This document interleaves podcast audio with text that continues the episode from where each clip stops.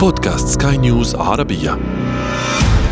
شريط سينما. شريط تتابعون في هذه الحلقة. الفكرة لما جات للمخرج إنه يعمل مسلسل مسلسل خيال علمي. طالما في خيال علمي يبقى هنا في creative الذكاء الاصطناعي ولكن بالسيناريو نفسه قدر إنه هو يستحوذ على لفت انتباه شريحة الأجيال كلها شريط سينما Lights, camera, action.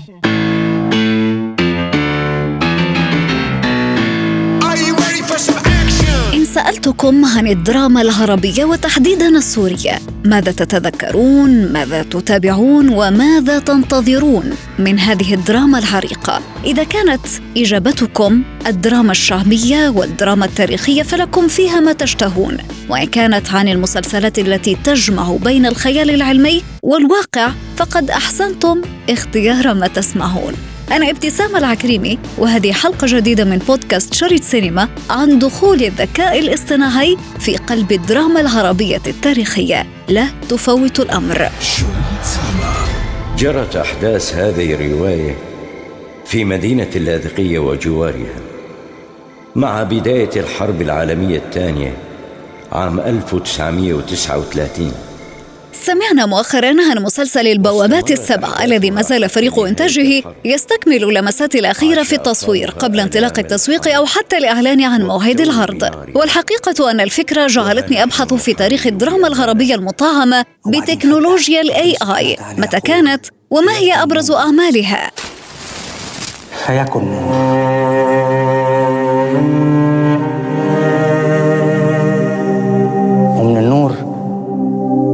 تبتدي الحياة. دعونا نهد بكم إلى مسلسل النهاية عام 2020 صباح الخير مهندسين. اليوم هو الثلاثاء 7 أغسطس سنة 2120 أنت تعاني من مشكلة صحية. التحليلات توضح أن لديك ارتفاعا في ضغط الدم. ربما نتج عن إرهاق سببه قلة النوم الممثل المصري يوسف الشريف يؤدي دور البطولة في عمل يعتمد على مشاهد معززة بتقنيات الذكاء الاصطناعي. مهندس يتصدى للتكنولوجيا التي أصابت العالم بعد مرور خمسين عاما في المستقبل. قبل أن تتغير طريقة تفكيره بعدما يقابل إنسانا آليا مستنسخا منه. على جميع المواطنين البقاء داخل منازلهم I'm sorry to announce that COVID-25 is the virus and the reason for a huge catastrophe. وفي حالات منها ظهرت عندنا هنا في مصر. إحنا قاعدين ننقص واحد ورا الثاني. فهمنا الله يبارك لك. وبعد عرض مسلسل النهاية بسنة واحدة تم إصدار مسلسل آخر يعتمد على تقنية الاي اي بعنوان كوفيد 25 فضلت 15 سنة ما بشوفش ناس غير وهم على سرير الموت ساعتها الخوف بيسيطر والحسابات بتختلف أكتر وقت الإنسان بيبقى فيه طيب وبريء ويستحق أي حاجة تعملها علشانه. تزامن عرض العمل ابان ظهور فيروس كورونا ليأخذنا بأحداثه إلى عام 2025 ومع النجم ذاته يوسف الشريف.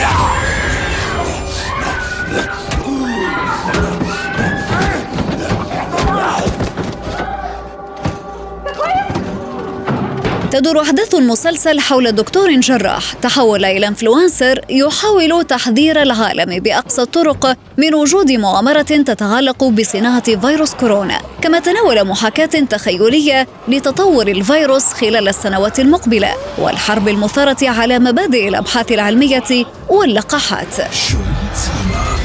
اشتقت للعطير اشتقت لهوى البحر. لحي القلعة لك للناس للتكاكين للقهوة اشتقت لك.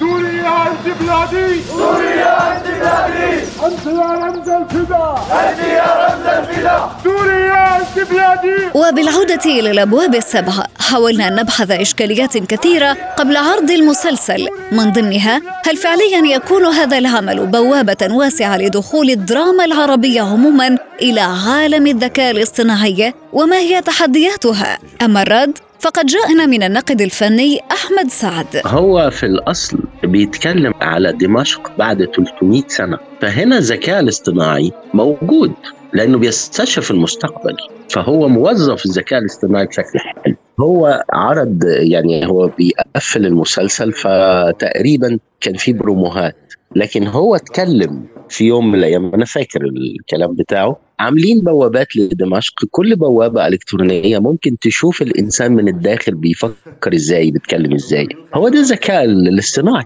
المسلسل هذا السوري كيف شفت الفكرة أصلا قبل ما نتطرق للمضمون أو للسيناريو الخاص بهذا العمل؟ كيف رأيت فكرة أنه الذكاء الاصطناعي يصير الآن ترند في الدراما العربية؟ ومش أي دراما يعني نتحدث عن الدراما السورية يلي هي من أعرق أنواع الدراما العربية. يعني هذه الدراما العريقة القديمة تعود لتركب المعاصرة كما يقال. ما رأيك بالفكرة وإلى أي مدى ستكون مثمنة لهذا العمل؟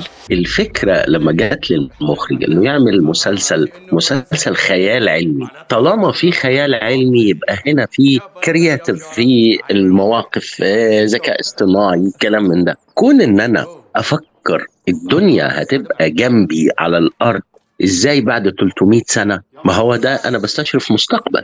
فممكن الخيال يبقى واسع جدا في النقطة دي. هل يتقبلها الجمهور العربي؟ الجمهور العربي ممكن يتقبل في الوقت الحالي لأنه انفتح بشكل كبير جدا على الدراما وعلى السينما العالمية اللي برضه بتناقش الخيال العلمي بس من منظور أوسع.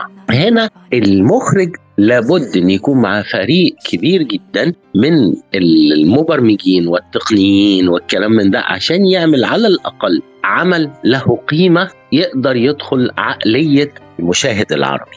فده الأساس. استخدام الذكاء الاصطناعي أو غيره الذكاء الاصطناعي لابد إن إحنا هنستخدمه هنستخدمه ولكن كيفية استخدامه هي دي بقى المشكلة اللي إحنا دايما بنقف عنها طيب هذه محطة أولى. المحطة الثانية ربما أستاذ أحمد اليوم عندما نتحدث عن الدراما السورية الدراما القديمة العريقة هذه الدراما يعني لها جمهور واسع من شتى أنحاء العالم العربي. اليوم هذا الجمهور إذا هو تعود على مسلسل درامي سوري بشكل ما أنه يشوفه وينتظروا دائما حاط بباله إنه هذا العمل رح يكون جدي. اليوم لما يجد نفحة من نفحات الذكاء الاصطناعي تتخلل هذا العمل. آه لا يتسبب ذلك بأنه خلينا نحكي أنه يبسط فكرة مضمون العمل أكثر من اللازم علشان ما أقول كلمة يتفه العمل. لا هناك فارق وتعالي نحسبها حسبة تانية. إحنا عندنا الدراما السورية في ليها جمهور سوري وجمهور عربي.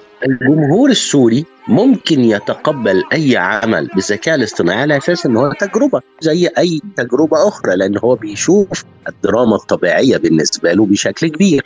لكن ربما أستاذ أحمد يعني هذا الجمهور نفسه يلي حضرتك بتحكي عنه تعود على الأمور اللي بتكون قريبة من الواقع مسلسلات أعمال تاريخية أعمال واقعية تعكس القضايا الاجتماعية. لكن اليوم عندما ندخل تقنية الذكاء الاصطناعي ستكون قريبة أكثر من الخيال. فكيف نجمع بين الواقع والخيال في نفس الوقت؟ الجمهور العربي خارج سوريا نظرته للدراما السورية إن هي دراما اجتماعية ودراما تاريخية وناجحة جدا في النقطة دي. لكن لما هيلاقي مسلسل خيال علمي بذكاء اصطناعي ممكن ما يحصلش تجاذب بالنسبة له. فمن هنا ليه؟ لأن هو أخذ الدراما السورية على الجانب التاريخي والجانب الاجتماعي وهم ناجحين جدا في الفترة الطويلة اللي فاتت في هذا النجاح، لما يجي يعمل مسلسل بهذا الشكل في الحالة دي ممكن الجمهور يبعد شوية عن المسلسل. مش عن الدراما مم. عن المسلسل السوري ليه؟ مم. لأن هيقارنوا الدراما العالمية اللي بتعمل خيال علمي وبالتأكيد المقارنة مش في صالح العمل السوري وما رأيك هل تصح هذه المقارنة المقارنة صعب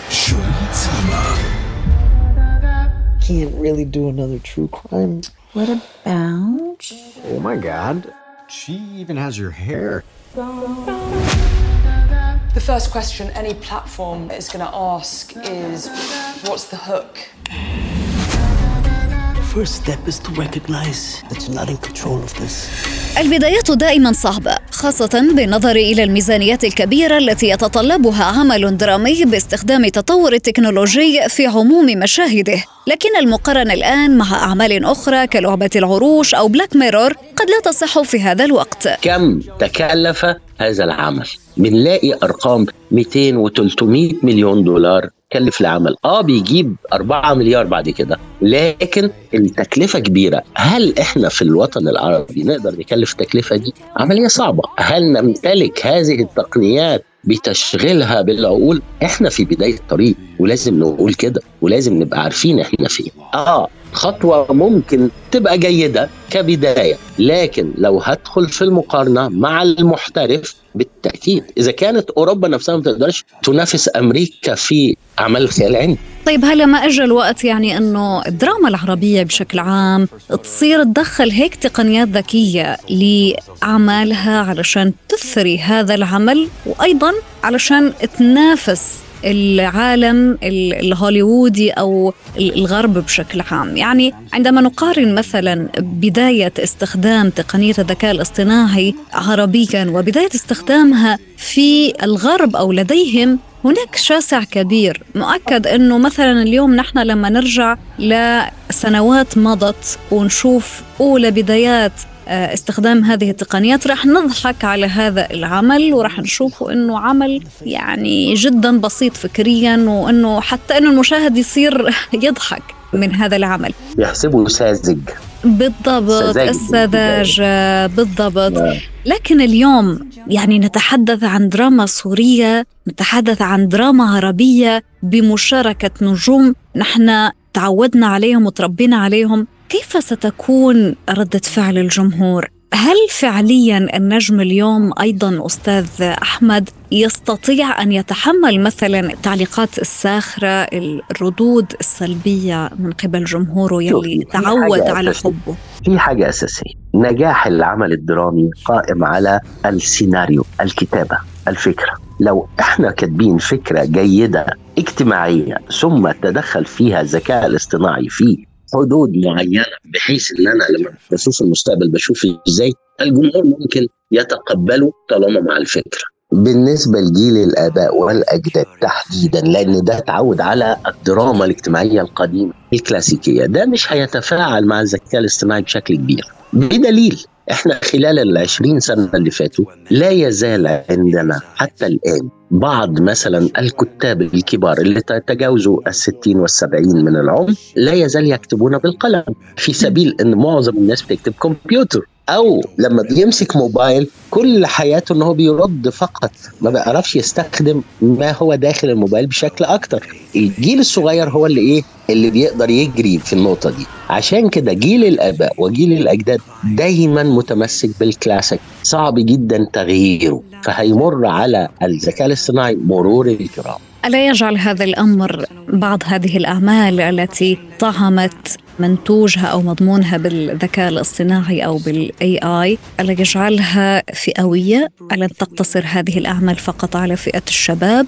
جدا متمسك بالأعمال المتطورة. ومثلا خليني أعطيك أبرز مثال وأنا دائما بحطه مثال لأنه هو بصراحة كمسلسل وكميزانية وكنجوم وك casting وكسيناريو وكحبكة كله كله كله أنا بشوفه إنه بامتياز. خلينا نحكي عن مسلسل Game of Thrones طبعا. أهو ده مثلا قدر شوفي بقى بالذكاء الاصطناعي ولكن بالسيناريو نفسه قدر إن هو يستحوذ على لفت انتباه شريحة الأجيال كلها من الجيل الكبير للوسط للصغير. دايما جيل الآباء أو جيل الأجداد ينظر لهذا المسلسل انه مسلسل أجنبي. هو هنا كسر الحاجز بتكون من الداخل. خلي بالك Game of Thrones شوف اتكلف ميزانيته قد إيه بس معمول بشكل أكثر من رائع. هل نستطيع أن نعمل مسلسل بهذا الشكل؟ هنا السؤال. شريط سينما. انتظرونا. المزيد من الأعمال الحديثة في شريط سينما. شريط سينما. شريط سينما.